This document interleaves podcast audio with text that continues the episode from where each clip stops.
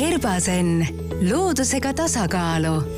Herbasen on taimeteraapia ja joogasümbioos, milles põimuvad omavahel tervikuks naturaalsed nahahooldustooted, jooga ja näojooga tunnid, tervisesündmused ning podcast. taasavasta Eesti ravimtaimede iidevägi ja külasta meid herbasen.eu lehel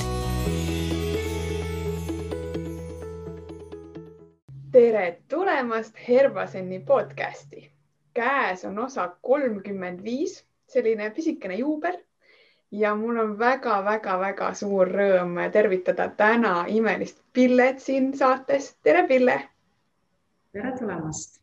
tere kõigile. ja mina tegelikult saladuskatte all pean nüüd ütlema, et ma olen seda hetke väga-väga oodanud, sest olles ise küll üsna vähestes Black Dog jooga tundides osalenud, siis ma olen iga kord mõelnud, et kuidas keegi suudab nii hästi juurde rääkida palju rohkemat sellest joogast, kui me lihtsalt praktikas teeme, eks, et seda kohtab tegelikult üsna harva.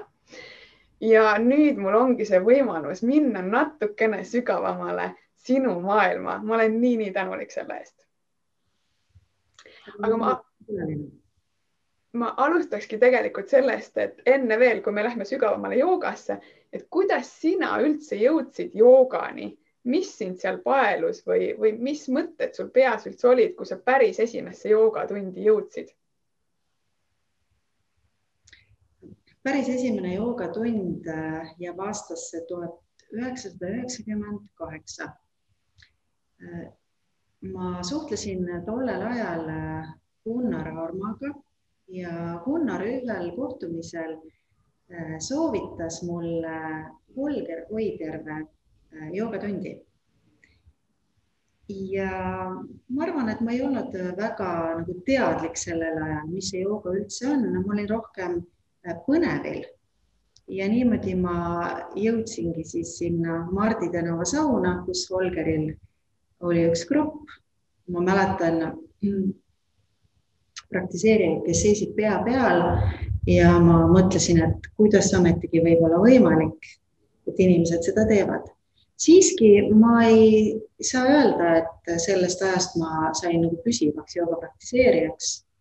Mm, pigem see oli äh, noh, vähem teadlik, aga siiski jooga jäi. ma ei olnud siis äh, nii väga ühes stiilis ja õpetajas kinni. kahe tuhandenda paiku sattusin hoopis tegema Kundalini joogat, tegin seda päris pikalt. Läksin õpetajaks õppima aastal kaks tuhat kaheksa ja alates siis kahe tuhande üheksandast aastast juhendan ise joogatunde. nii et üksteist aastast on nüüd sellest ajast mööda läinud ja ja see on põnev teekond. nüüd on see täiesti teadlik, nüüd on see täiesti regulaarne, palju on avastada ja ma olen väga õnnelik, et, et ma sellel teel olen. seda on nii hea kuulda. aga kui sa nüüd vaatad üksteist aastat, eks see on ikkagi päris suur pagas juba et mida jooga sulle veel on andnud lisaks sellele, et sa oled väga heas vormis, on ju, aga mis sa veel võiksid välja tuua, mida see jooga regulaarne harrastamine on sulle andnud? No seda on ühe sõnaga või ühe lausega päris raske kokku võtta. ma ütleksin niimoodi, et jooga on äh, ravim täisväärtuslikuks äh, eluks. sõltumata sellest, mis stiili sa praktiseerid. see jooga sõnum on väga lihtne. tule matile, tee praktika, saa praanat, saa elujõudu. ja kui sa sellest, äh, sellelt matilt välja astud siis ja vaatad seda maailma, mis meie ümber on täpselt selline, nagu ta praegu on, eh, siis sa saad paremini hakkama selles maailmas. see on väga-väga ilusti kokku võetud tõesti. aga kui sa nüüd võib-olla vaataksid enda eh, tunnis ringi, on ju, siis ma kujutan ette, et kindlasti oled sa kokku puutunud erinevate müütidega, võib-olla isegi mitte ainult saalis, vaid ka oma lähedaste seas et kui palju praegu näiteks üldse tulevad joogamüüdid sinuni? müüdid, ma arvan, jäävadki elama ja ma arvan, et kõik teavad seda kõige suuremat müüti just nagu jooga praktiseerimiseks on vajalik painduvus aasana sügavust ei määra painduvus. aasana sügavuse määrab ära sinu kohalolu ja see, kas sa selles asanas, mis iganes asanas see siis on, äh, suudad hingata. nii et hingamine ja kohalolu on nagu kaks seda baasmärksõna. ja kui ma vaatan üldse, kuhu see tänane joogamaailm on liikunud, noh, kuna ma praktiseerin ka Ashtanga joogat, siis ma toon sealt ühe näite mm. -hmm. kuni ma ütleksin niimoodi, et äh, eelmise sajandi võib-olla kaheksakümnendateni ei, ei olnud Äh, noh, tahapainutused nii suure nagu rõhuasetusega, nagu nad on täna. kõik, kes Ashtanga joogat praktiseerivad, teavad, et ühel hetkel tulevad seal need drop back'id, äh, seistes silla laskmised. ja nüüd, kui me vaatame seda, kuhu siis need tänased praktiseerijad on oma ideaalis jõudnud, siis ideaal ei ole enam see, et sa lihtsalt seistes teed tahapainutuse. ideaal on see, et sa saaksid kätte juba oma kannad, sealt edasi oma sääred, sealt oma põlvetagused ma arvan, et äh, see on midagi võib-olla, kus on juba oma selles ihaluses mindud äh, üle piiri, sest kui me mõtleme selle peale, et mis see funktsionaalne painduvus inimese jaoks on, et kui sul kukuvad autovõtmed parklas maha, siis sa ei tee selleks silda, et need võtmed kätte saada maast, sa lihtsalt kükitad ja võtad need, eks, mis tähendab seda, et joogas endiselt, ma arvan, on väga oluline mm, mobiilsus, see tähendab seda, et sul on mõõdukalt tugevust, sul on mõõdukalt painduvust.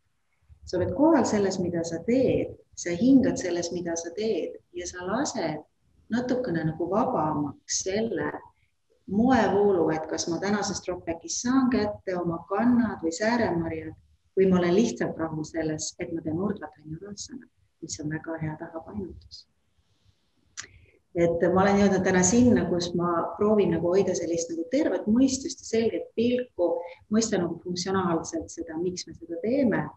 paindumine kui selline on oluline, aga see ei ole mingi eeltingimus jooga praktiseerimiseks või siis väga advanced tasemel jooga praktiseerimiseks aga kas sa oled ka vastupidist kogenud, et mõni tulebki trenni tänu Instagramile näiteks, ta on seal mingeid pilte näinud ja ta nüüd võtabki eesmärgiks, et ma tahan vot kas just silda, aga võib-olla mingid jõuasendid on ju, et neid levib hästi palju, et ma tahan näiteks pea peal seista, käte peal seista, ma nüüd selleks siia tulin. kas äkki ka see motivatsiooni pool võib olla seal seotud? ma arvan, et oluline on see, et joogas me hoiame nagu perspektiivi paigas, see tähendab seda, et isegi siis, kui sa oled teinud äh, ära need kõige keerulisemad pea peal seisud, imelised kätel seisud, kui sa oled teinud ära Ashtanga jooga kolmanda seeria, mis iganes ja sa astud välja matil, siis sa märkad tegelikult seda, et äh, maailm ei hooli sellest, et sa just seisid äh, tund aega pea peal või et sa tegid ära Ashtanga jooga kolmanda seeria, sa märkad seda, et kui sa lähed joogastuudiost välja, on alati keegi, kes parklas võtab ära selle parkimiskoha, mille sa arvasid, et see on sulle. alati on keegi, kes ütleb sulle halvasti.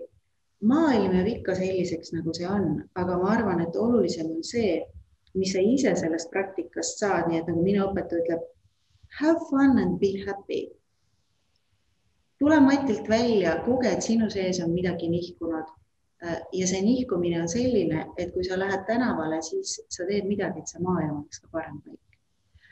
lase lahti võib-olla see, et äh, kui fancy mu käteseis, kätel seis on, ma tean, see on oluline jooga praktiseerijatele, ma ise pusisin, noh, toon ühe näite lihtsalt, mis minul on olnud raske. Maricasana tee ma arvasin, et kui ma alustasin, ma arvasin, et ma ei saa seda poosi, see on hästi sügav puusa avamine, sa oled ühel, ühe poolega poollootuses ja siis sa teed sügava pöörde, samal ajal võtad käed haardesse. aga läks kaks aastat ja ma sain selle poosi. tähtis ei ole see, kas sa saad selle poosi või millal sa saad selle poosi, tähtis on see, et sa oled kohal selles oma asana praktikas. Ja on enesevaatlus ja sa oled püsiv selles, mida sa teed. aga kus, kust sinul tuleb see püsivus, sest tegelikult praegu ühiskond on ju selline, et hästi kiire, hästi kiiresti tahame tulemusi saada. selleks, et iseennast motiveerida püsiv olema, peab ikkagi olema midagi siin taga nii-öelda saladusena saladus on see, et äh, mul on lihtsalt väga hea olla, kui ma olen joogapraktika ära teinud. See, et seda tunnet tunda, selleks on vaja matt lahti rullida. ja miks ma siis peaksin iseendale keelama seda head tunnet, see ongi kogu saladus. see ongi kogu saladus ja isegi nendel päevadel, kus ma mõtlen, et mul ei ole piisavalt energiat, mul ei ole piisavalt jõudu.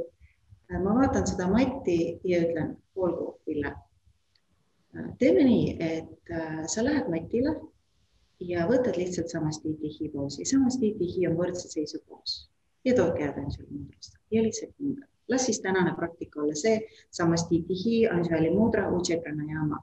vaata, kui palju asju juba ma ütlesin, ma ütlesin asana, pranayama äh,, fookus, dharana, omamoodi meditatiivne äh, algus sellele Äh, päevale, kus mu mingi sisemine monkey mind ütleb, et ma ei viitsi. ja siis ma avastan seal matil seistes, et äh, kuskilt seestpoolt susistab üks õrn hääl. et mis oleks, kui teeksime kasvõi pool Surya Namaskara kohast. ja siis ühel hetkel ma avastan, et ma olengi juba selles flows, ma olengi juba selles voolamises. ja ma arvan, et nende päevade kõige suurem õppetund on see, et ideaalseid päevi on harva. ideaalset nagu energiakogust on harva. kui ma jääksin ootama nende ideaalsete äh, aspektide kokkulangemist, siis võib-olla tuleks äh, välja ainult kahe käe sõrmedest kogu aasta jooksul, mil oleks põhjus meid lahti rullida. aga ma tean, et just see eneseületamise moment miinimumplaan, samastitihi, Anjali mudra, Ujjayi pranayama ja fookus kohal, siis see on juba väga hea praktika. see on ainukene motivatsioon, äh, mis mind motiveerib. Aga kas seesama ka kuidagi kandub üle matilt väljaspoole, et kas sa tunned, et tänu sellele, et sa praktiseeridki joogat ja oled enda jaoks selle võtnud, et sa iga päev harjutad, kas see kuidagi aitab sul matilt väljas ka mingeid otsuseid kiiremini langetada, mingeid asju kiiremini ära teha? kindlasti, kindlasti, sest püsivas joogapraktikas mina vaatan niimoodi, et igas asanas on peidus mingi õppetund. ja igas asanas on oluline olla avatud enesekogemisele ja enesevaatlusele ja eriti keerulised asanad on väga head õpetajad, sest seal keerulistes poosides, kus on hingata raske, kus tundub, et mu keha ei paindu või ei pööra. Nendes keerulistes asanates tuleb muuta oma suhtumist sellesse vastupanusse, võttes sellelt vastupanult äh, energia ära. ja just need keerulised asanad õpetavad äh, kannatlikkust, hinga, vaata, mida jooga teeb ja nüüd, kui ma astun oma stuudiost välja, siis elus on ju nii, et elus on rohkem keerulisi situatsioone kui neid lihtsaid situatsioone, vähemalt praegu. Ja asana praktika õpetab nendes keerulistes situatsioonides eh, mitte ära põgema ja mitte neid tõrjuma. tavameel ei taha ebamugavust, ta tahab seda tõrjuda, ta tahab seda eemale lükata ja joosta sealt ära ja mitte sinna tagasi tulla kahjuks maailm ei ole nii noh, ilus ja just see raskemates asanates kohale jäämine on õpetanud mulle kohale jäämist, püsimist, rahulikku nagu vaatamist nendes keerulisemates elusituatsioonides, nii et ma näen siin väga suurt seost äh, selle vahel, mida ma asana praktikast õpin ja kuidas ma saan seda rakendada väljapool matti. kui sa selle koha nagu avastad, siis sa saad aru, et sa oled juba joogast väga palju õppinud. See, ma arvan, resoneerub väga paljudega, kes praegu kuulavad, sest ka minuga see resoneerub väga palju, et täpselt, mis sa seal koged, see on ka peegeldus, on ju, tavaelust. aga milline näeb üldse sinu üks keskmine päev välja? ma saan aru, et praegu võib-olla see on natukene kaootilisem, kuna me oleme selles maailmas, kus me oleme, aga võib-olla üks selline tavalisem päev, kas sul on mingid rutiinid seal või, või mida sa täpsemalt teed? no isegi siis, kui ajad noh, väljaspool olevat aega me saa ju tegelikult kontrollida, eks ole. See aasta on olnud täiesti pöörane. aga minu enda päev on selline, et äh, sõltumata ajast või, või välistest tingimustest on seal ikkagi üks äh, minu enda praktika. siis äh, tavaliselt kolmel või neljal korral nädalas on mõned joogatunnid, mida ma juhendan, sõltuvalt perioodist, joogaõpetajate koolitused, mis võtavad järjest suurema osa aja, ajast. Ma ka väga palju õpin selles mõttes, et õpin, uurin, täiendan, loen tekste. selles mõttes mul on, mul on tõesti vedanud, et äh, see jooga on ühtlasi minu praktika, minu töö, minu elustiil ja ei olegi sellist päeva, kus seal ei ole mitte midagi joogaga seotud, nii et aga kas sul on äkki ka mõni nimi jagada, kes on väga lahedad nii-öelda mentorid või, või joogatajad, keda võiks jälgida või, või kellelt midagi juurde õppida?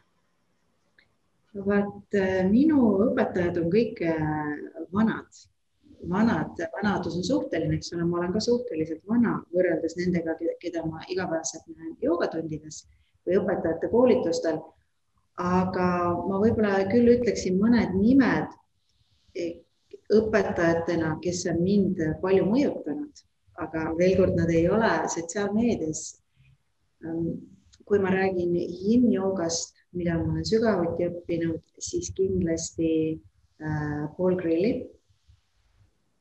kui ma räägin hatha joogast ja ashtanga joogast, siis ma tahaksin öelda kolm nime. David Svensson, siis Richard Freeman ja Mary Taylor. Nemad kindlasti on väga sügavad õpetajad. ja nendelt on alati midagi õppida, alati aga sa ütlesid ka, et kui sa teed õpetajakoolitusi, siis saali tuleb pigem nooremapoolne rahvas kui vanemapoolne rahvas, eks. et kas sa oskad ka arvata, miks see nii on?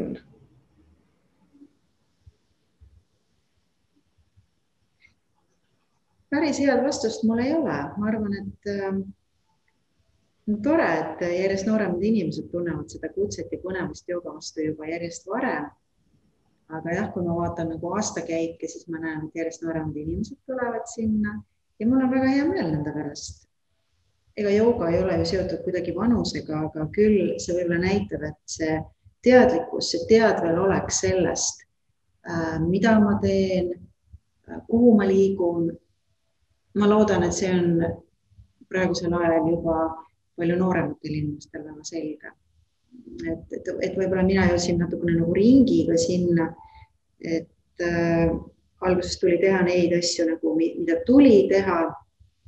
ja lõpuks siis ikkagi need südameasjad äh, pääsevad, pääsevad äh, esiplaanile. ma ei tea, tuleb ka vanemaid inimesi ja ma pean nüüd endast rääkima ka selles mõttes, et mina olen jälle uuest aastast taas äh, üliõpilane äh, ma olen ammu tundnud kutset ka füsioteraapia vastu, uuest aastast olen bakalaureuse tudeng, jälle õppimas, tõenäoliselt, ma ei ole veel oma gruppi näinud, me kohtume uue aasta alguses.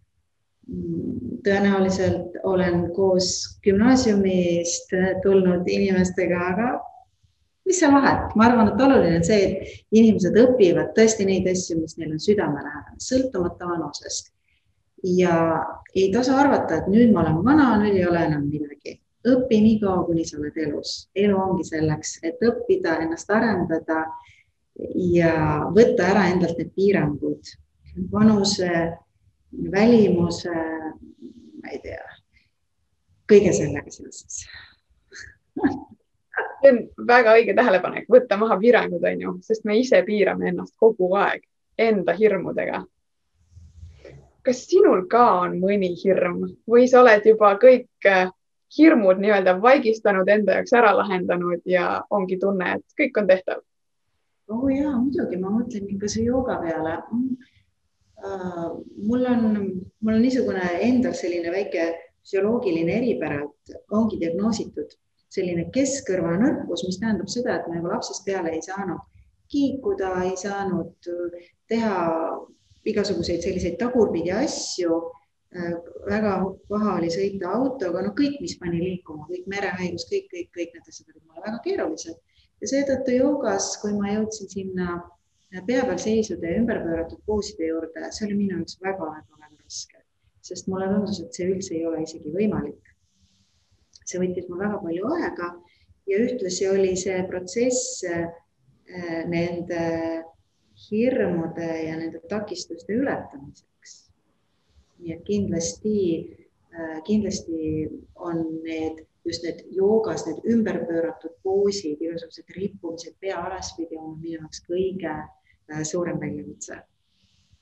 aga see on nii tore, et sa seda jagad, sest kui vaadata väljaspoolt, siis justkui väga vähe räägitakse nendest hirmudest ja pigem räägitakse sellest, milles hea ollakse, onju ja võib-olla see inimene, kes nüüd vaatab ja mõtleb, kas ta tuleb tundi või mitte, lööb hoopis kartma, et kõik on nii osavad, et mida ta üldse tuleb, onju ja ma arvan, et see piirang tuleb ka lasta vabaks, aga see on tegelikult nii, see on üldse inimestega nii, et ma olen vaadanud ka joogas, et kui inimene saab teha äh, sajast asjast või ütleme sajast asanast ütleme üheksakümmend kaheksa ja kahte ei saa, siis väga tihti inimene hakkab mõtlema nendele asjadele, mida ta ei saa. selle asemel ma soovitaksin kasvada nendes üheksakümne kaheksas asjas, hinnata seda. ja kui tõesti need kaks asja on, on, on ja jäävadki ületamatuks, mis siis? ära keskendu sellele, võta sealt see energia ära, keskendu sellele, mis sul juba tuleb välja, rõõmusta selle üle, mitte ära ole kinni selles, mida sa ei saa see on jälle nii tore, et tegelikult seda saab laiendada igapäevaellu ka, on ju, ükskõik mida sa teed, ära jää kinni, et sa ei saa, on ju. just ja, ja ma tahan veel sellest ka rääkida, et see online aeg on nii huvitav aeg selles mõttes, kui me üldse mõtleme selle peale, mis see jooga on. vahel ma tunnis küsin seda küsimust, julgustan inimesi enda sees seda küsimust küsima ja siis paljud avastavad, et küsimusega mis on jooga minu jaoks, kerkivad automaatselt äh, esiplaanile noh, sellised suhteliselt nagu stamparvamused joogast. me oleme mõjutatud sotsiaalmeediast, Instagramist, Facebookist ehk kerkib midagi väga äh, nagu füüsilist. aga minu online tundides osaleb üks naine, mm, kes on äh, pime ta ei ole kunagi näinud ühtegi jooguraamatut, ta ei ole ühtegi Youtube'i videot näinud. aga ometigi ei takista see teda joogat praktiseerimast. küsimus on pigem see, kuidas sa tunned või kus sa tunned seda, et sa teed joogat. päris jooga ei ole see, mida sa näed, päris jooga on see, mida sa tajud ja koged enda sees, kui sa praktiseerid joogat see on nii ilusti öeldud, külmajudinad tulid lausa peale, aga tegelikult nii on, eks, et justkui me ennem rääkisime nendest eelarvamustest, siis neid justkui ei tohiks olla, igaüks kogeb ju erinevalt. aga sul on oma stuudio ja sul on ka oma joogatare. ehk siis need on tegelikult ju päris suured projektid. kuidas kuidas sa nendeni jõudsid või selle realiseerimiseni, et jah, ma teen omale stuudio, tegelikult stuudio on ju isegi kolinud vahepeal. Ja siis, et sul on veel äh, Eestimaal teine koht, kus sa saad siis nii-öelda suvel teha retriite, et need on ikka väga suured projektid. Ja, aga eks nad ongi nii, et eks need, äh, kui me mõtleme selle peale, et stuudio või joogaait, et nad on ju ka mingil moel äh, vahendid. Ja ühel hetkel lihtsalt need vahendid tulevad, kui kui sa oled äh, sealmaal, kui mina alustasin õpetamist, siis ma, ma väga pikalt äh, andsin tunde Viimsis ja ma rentisin selleks Viimsi lasteaeda. ja see lasteaiaruumi rentimine ei, ei olnud mingi, see lasteaiaruum kui selline ei olnud mingi takistus selle jooga tegemiseks. olid alati inimesed, äh, oli, oli jooga, oli see energia seal ja see kestis ju kokku, las ma mõtlen, seitse aastat olin ma selline joogamatiga ühest saalist teise rändav õpetaja. ja siis ühel hetkel ma mõtlesin, et aga nüüd, eks on juba rännatud ka, et äh, vaataks, kas on äkki võimalik üks niisugune püsiv, püsivam koht leida. ja siis esimene stuudio tõepoolest oligi siin Kreutzwaldi tänaval ja paar aastat hiljem juba kolisime Uus-Sõdamaa tänavale. ja need mõlemad on olnud väga toredad kohad, kes on need kohad üles leidnud. ma alati ise tunnen siin stuudios ennast hästi ja, ja joogaid tõepoolest tore koht suvel, kuhu on siis oodatud need, kes soovivad iseennast avastada, teha seda koos looduse energiaga. Sellel aastal, tõsi küll, on siis esimene kord, kus ei olnudki võimalik teha ühtegi sellist suvist joogatamist, aga küll need ajad tulevad tagasi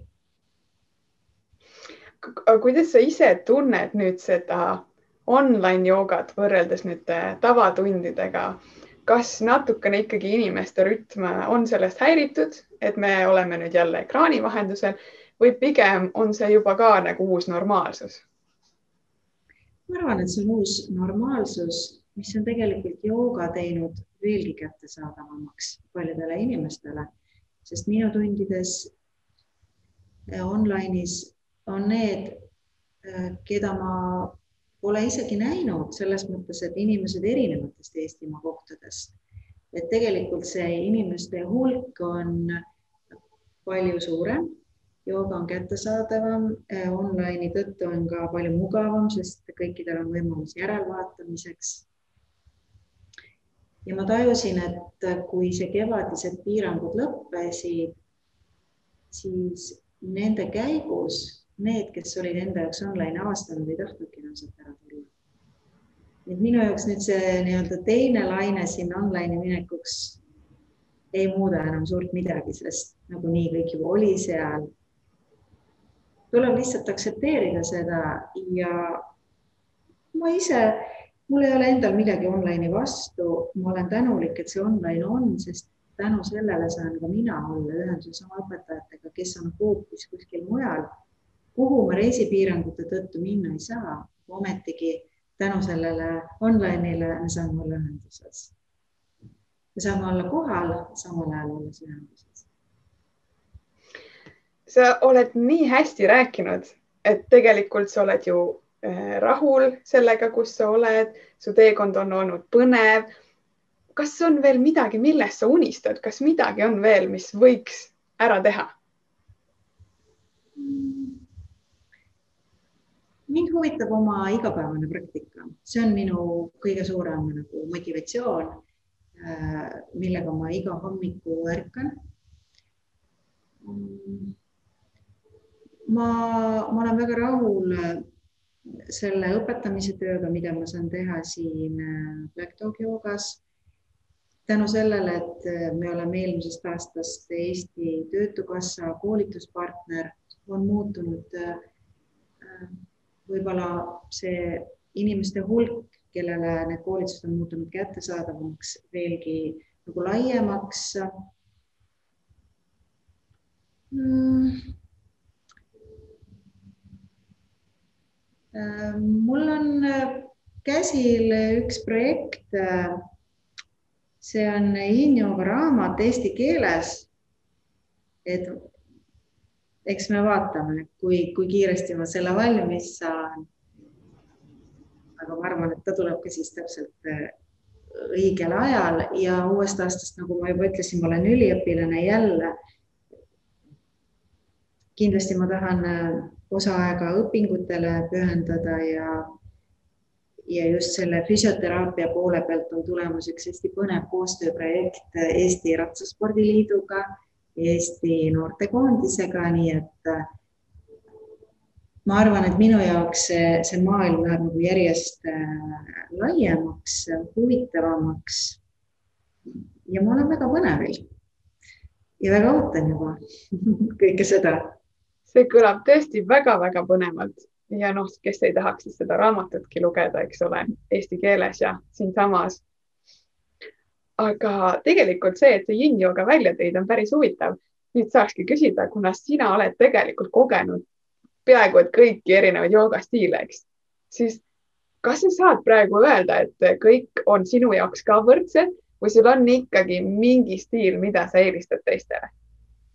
Ei, ma ei, ma ei, mul ei ole niisugust nagu stiilieelistust, ma vaatan nagu, kui ma räägin nüüd ainult endast, siis ma vaatan ja annan selgelt aru endale seda, et äh, inimene, kui me räägime inimese füüsilisest kehast, siis inimese füüsilises kehas on vaja tugevust ja inimese füüsilises kehas on vaja painduvust, mõlemat on vaja. ei saa olla niimoodi, et ma ainult painutan, ma ainult kogu aeg kasvatan seda nii-öelda elastsust me elame duaalses maailmas ja see yin ja yang on kogu aeg kohal. ja me peame mõistma, et ise jääda tasakaalu.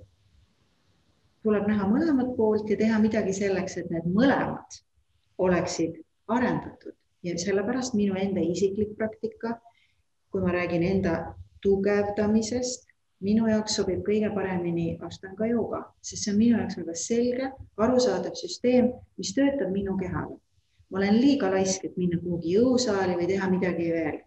ma tahan teha seda joogat selleks, mis annab mulle füüsiliselt hea vastupidavuse, hea tugevuse, hoiab mu, mu, mu lihased, mu luud korras.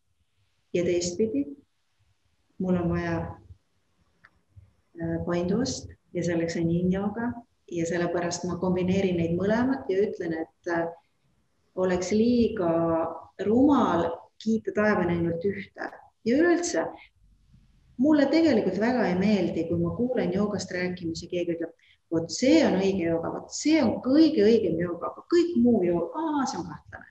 ma ütlen ausalt, mulle see ei meeldi, kui ma kuulen rääkimas kedagi, kes ütleb, et minu jooga on kõige õigem. ma ei usu sellesse. ma arvan, et igaühe jaoks võib olla õige üks või teine ja võib-olla tuleb kombineerida mõnda erinevat selleks, et saada sealt enda jaoks antud ajaperioodil, eluetapil vajalik. Yin-jooga ja Ashtanga jooga, kuna nad on nagu ekstreemid, üks on yangimast yangim ja üks on yinnimast yinnim, on sellepärast vajalikud, et yin aitab minna sügavale sissepoole sellesse sisemisse vaikusesse, kus sa hakkad märkama neid peenemaid kihte mida sa saad avastada ainult siis, kui sa oled paigal, kohal. see on in-jooga väga suur äh, võlu. ja, ja kuna, kuna me elame niisuguses tormilises maailmas, siis ma ju näen, kui populaarne on in-jooga, sellest unistab alati kõige rohkem inimesi järelikult seal on midagi, mis lubab inimestel lõdvestuda, vaadata sissepoole, rahuneda võtta närvisüsteemilt pinge maha, kui närvisüsteem rahuneb, energeetiline süsteem tugevneb. ja seal on see maagia, mis selle tunde inimeste sisse toob, mille pärast need ikka ja jälle tulevad tagasi. kui ma vaatan nüüd seda tugevamat poolt, vahet pole siis, kas see on vinyasa või ashtanga, siis seal on väga võluv see, et äh, seal on asana, seal on alati ujjayi pranayama juba need kaks asja koos, seal on alati mingi fookus, seal on alati tristi. ma olen filtreerinud oma vaatamise äh, kitsamaks. see on omamoodi nagu dharana praktika, on mingi fookus, kus ma, kus ma olen. seal on lugud. see on väga ideaalne, mis seal ilmneb kõik ühel ja samal ajal. aga nad on erinevad ja igaühe jaoks tuleb üles leida see, mis aitab teda äh, olla rohkem terve, sest tervis ongi tasakaal. ja siin peab igaüks selle ise üles leidma. joogaõpetajana ma saan ainult pakkuda neid tööriistu. aga igaüks peab ise avastama. ja kui sa suudad olla püsiv, regulaarne, siis jooga töötab igal juhul, sõltumata sellest, mida sa siis valid või kuidas sa kombineerid. See on väga hästi jälle kokku võetud, aga kas sul on äkki mõni kiire nipp jagada?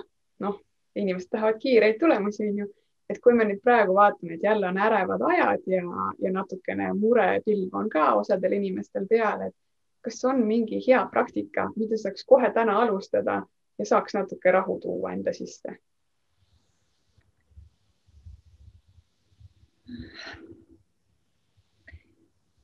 No arvan, et üks hea praktika on see, et teeks hea ettevaenutus. avasta, mis see siis on. kui sa istud, võtad istet, sirutad oma jalad välja ja hakkad tasapisi liikuma suunaga oma varvaste poole mis see siis on, võta endale viis minutit ja avasta. vaata, võid avastada, et see viis minutit tundub nagu viis aastat, see võib tunduda nagu terve igavik, võid avastada, et su keha on jäänud täiesti kangeks. aga jää sinna kohale ja avasta, mis see siis on, ära kohe hüppa sealt püsti, et ah, see on nii raske, ah, ma nagunii ei saa. pane kõik need sellised nagu sund pilootmõtted kõrvale. jää lihtsalt sellega, mis ilmneb, hakka oma keha kuulama, vaata, mis kerkib. võta endale see sisemine selline nagu hoiak, et äh, ma ei pea endale andma ühtegi hinnangut. ma ei pea jõudma oma ettepainutusega mingisse kindlasse tsooni või faasi ma ei pea ütlema, et see oli hea või halb. Võta hästi nagu neutraalselt ja vaata. ja siis sa näed, mis kõik kerkima hakkab. ma arvan, see oleks nagu kõige kiirem ja lihtsam retsept enesevaatluseks, sest lihtne poos, milles võib-olla meil on lihtne istuda, ei ole inimesele, kes istub päeva otsa kontoris ja autos, lihtne poos. või siis, kes on sellest staatilisest istumisest väsinud tee üks väikse tervituste ring, üheksa vinyasat, üheksa sisse ja välja hingamist, sirutused ja painutused vaheldumas, avasta, mis see on. nii lihtne see ongi. see on väga lihtne, ma loodan, et sina, kes sa kuulad, nüüd paned kahe kõrva vahele ja lähed kohe katsetama ka.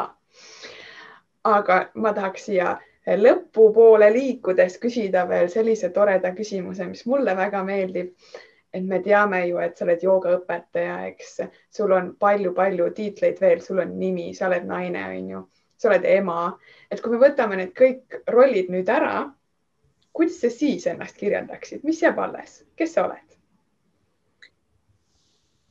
ma arvan, et ma olen üks äh, otsija ja avastaja. minu jaoks äh, on see maailm minu enda sees lihtsalt niivõrd põnev, läbi selle avastada, otsida. ja kuna mul tõesti juba lapsed on suured ja võib-olla nii palju sellist äh, olmelist kohustust enam ei olegi, siis just nimelt see otsiv ja avastav vaim äh, on minu sees hästi tugev.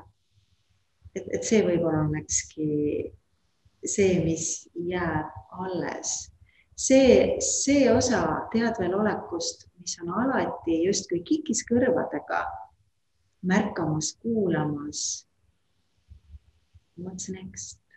ja see on asi, millele ei saa vastata. meelemõistus tahab sellele võib-olla vastata, aga hoida see what's next küsimus nagu tagaplaanil, selle asemel, et lasta esiplaanile see, mis ma siis õigupoolest nüüd avastan, jätta see sõnastamata väljendada oma taju, äh, avastada, mis see siis on, mis ilmneb äh, sellel hetkel. Väga hästi öeldud jälle, aga kui sa lähed korraks tagasi lapsepõlve, kas sa mäletad seda, kas sa olid juba lapsena selline, et sa tahad õppida, sa tahad vaadata, sa tahad areneda või see tuli hilisemas äh, etapis?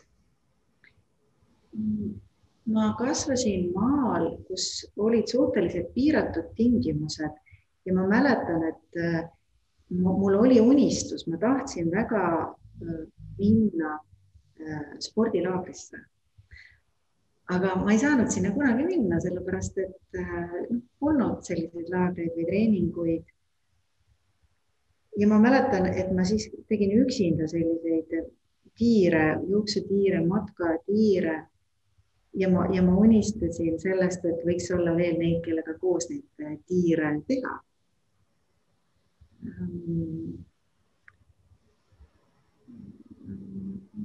ma lapsena ma tahtsin tegelikult saada vene keele õpetajaks.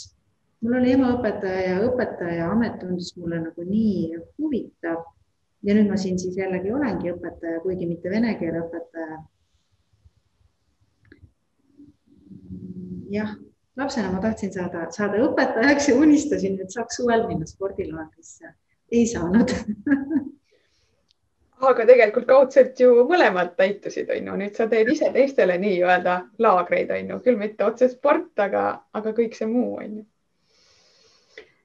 kui nüüd keegi kuulab ja ta mõtleb, et nii tore, tahaks tulla kas online tundi või tulla personaaltundi või lihtsalt sulle midagi jagada, siis kuidas ta saaks kõige paremini sinuga kontakti? kõik need, kes juba on praktiseerinud, panin üles ka Facebooki ja Instagrami Black Dog joogasse. peagi on äh, tulemas pööripäev kahekümne esimesel detsembril.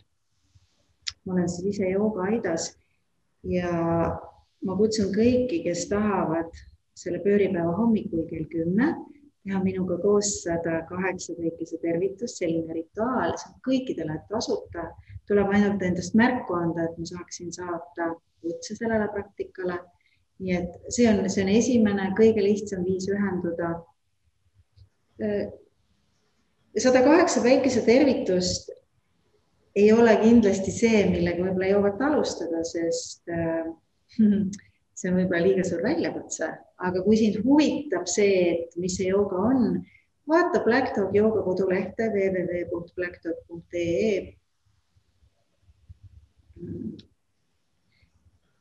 need tunnid, mis meil aasta lõpuni on, võib-olla leiad sealt midagi, in-jooga tavaliselt sobib kõigile.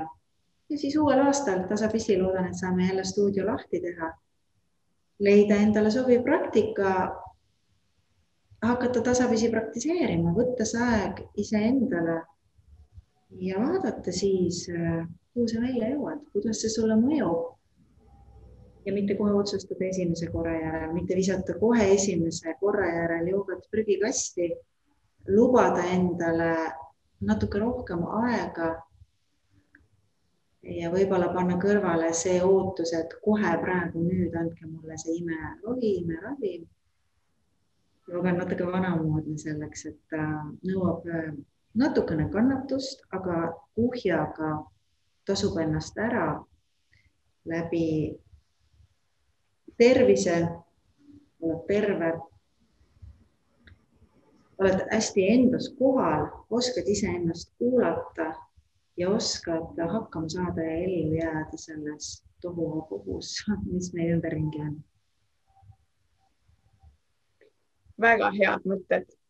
kas, kas sa tunned, et ma olen täna küsinud kõike, mida sa tahaksid jagada või on sul südames veel midagi, mida sa tahaksid kuulajateni viia? ma tahaksin öelda seda, et äh, mis iganes praktikat sa siis teed ja võib-olla sa ei tee täna joogat, võib-olla sa teed midagi muud äh,.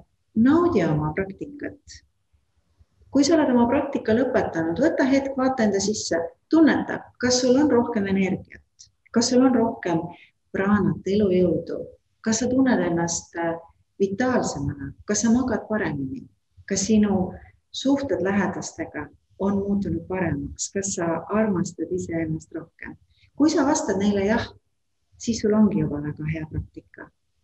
kui sa vastasid mõnele nendest küsimustest ei, siis võib-olla võta hetk ja mõtle, et äkki on mul veel võimalik proovida midagi, mida ma täna ei ole proovinud. et saada vastata jah ka nendele küsimustele, kus ma täna jäin korraks mõtlema või pidin ütlema ei ei oskagi midagi siia otsa öelda, et see võtab nii hästi kokku kõik, mida üldse saab soovitada jooga praktiseerimiseks. ja tegelikult aeg juba hakkabki lõpukorrale saama. ma tahan sulle veel kord öelda nii suur aitäh, et sa jagasid meiega sellel kiirel ajal, võtsid selle hetke. kindlasti on palju veel jagada. aga ma olen kindel, et need, kes kuulasid, said siit inspiratsiooni, mina kindlasti sain ja aitäh sulle, kuulaja, vaataja. ma olen kindel, et sa leidsid siit enda jaoks midagi. kui sul on rohkem huvi, siis äh, saad kindlasti Pillele otse kirjutada või Black Dog Yoga lehele minna. soovin ka ilusat äh, jõuluaega ja suur-suur aitäh. suur tänu kõikidele ja kohtumiseni. Namaste. Namaste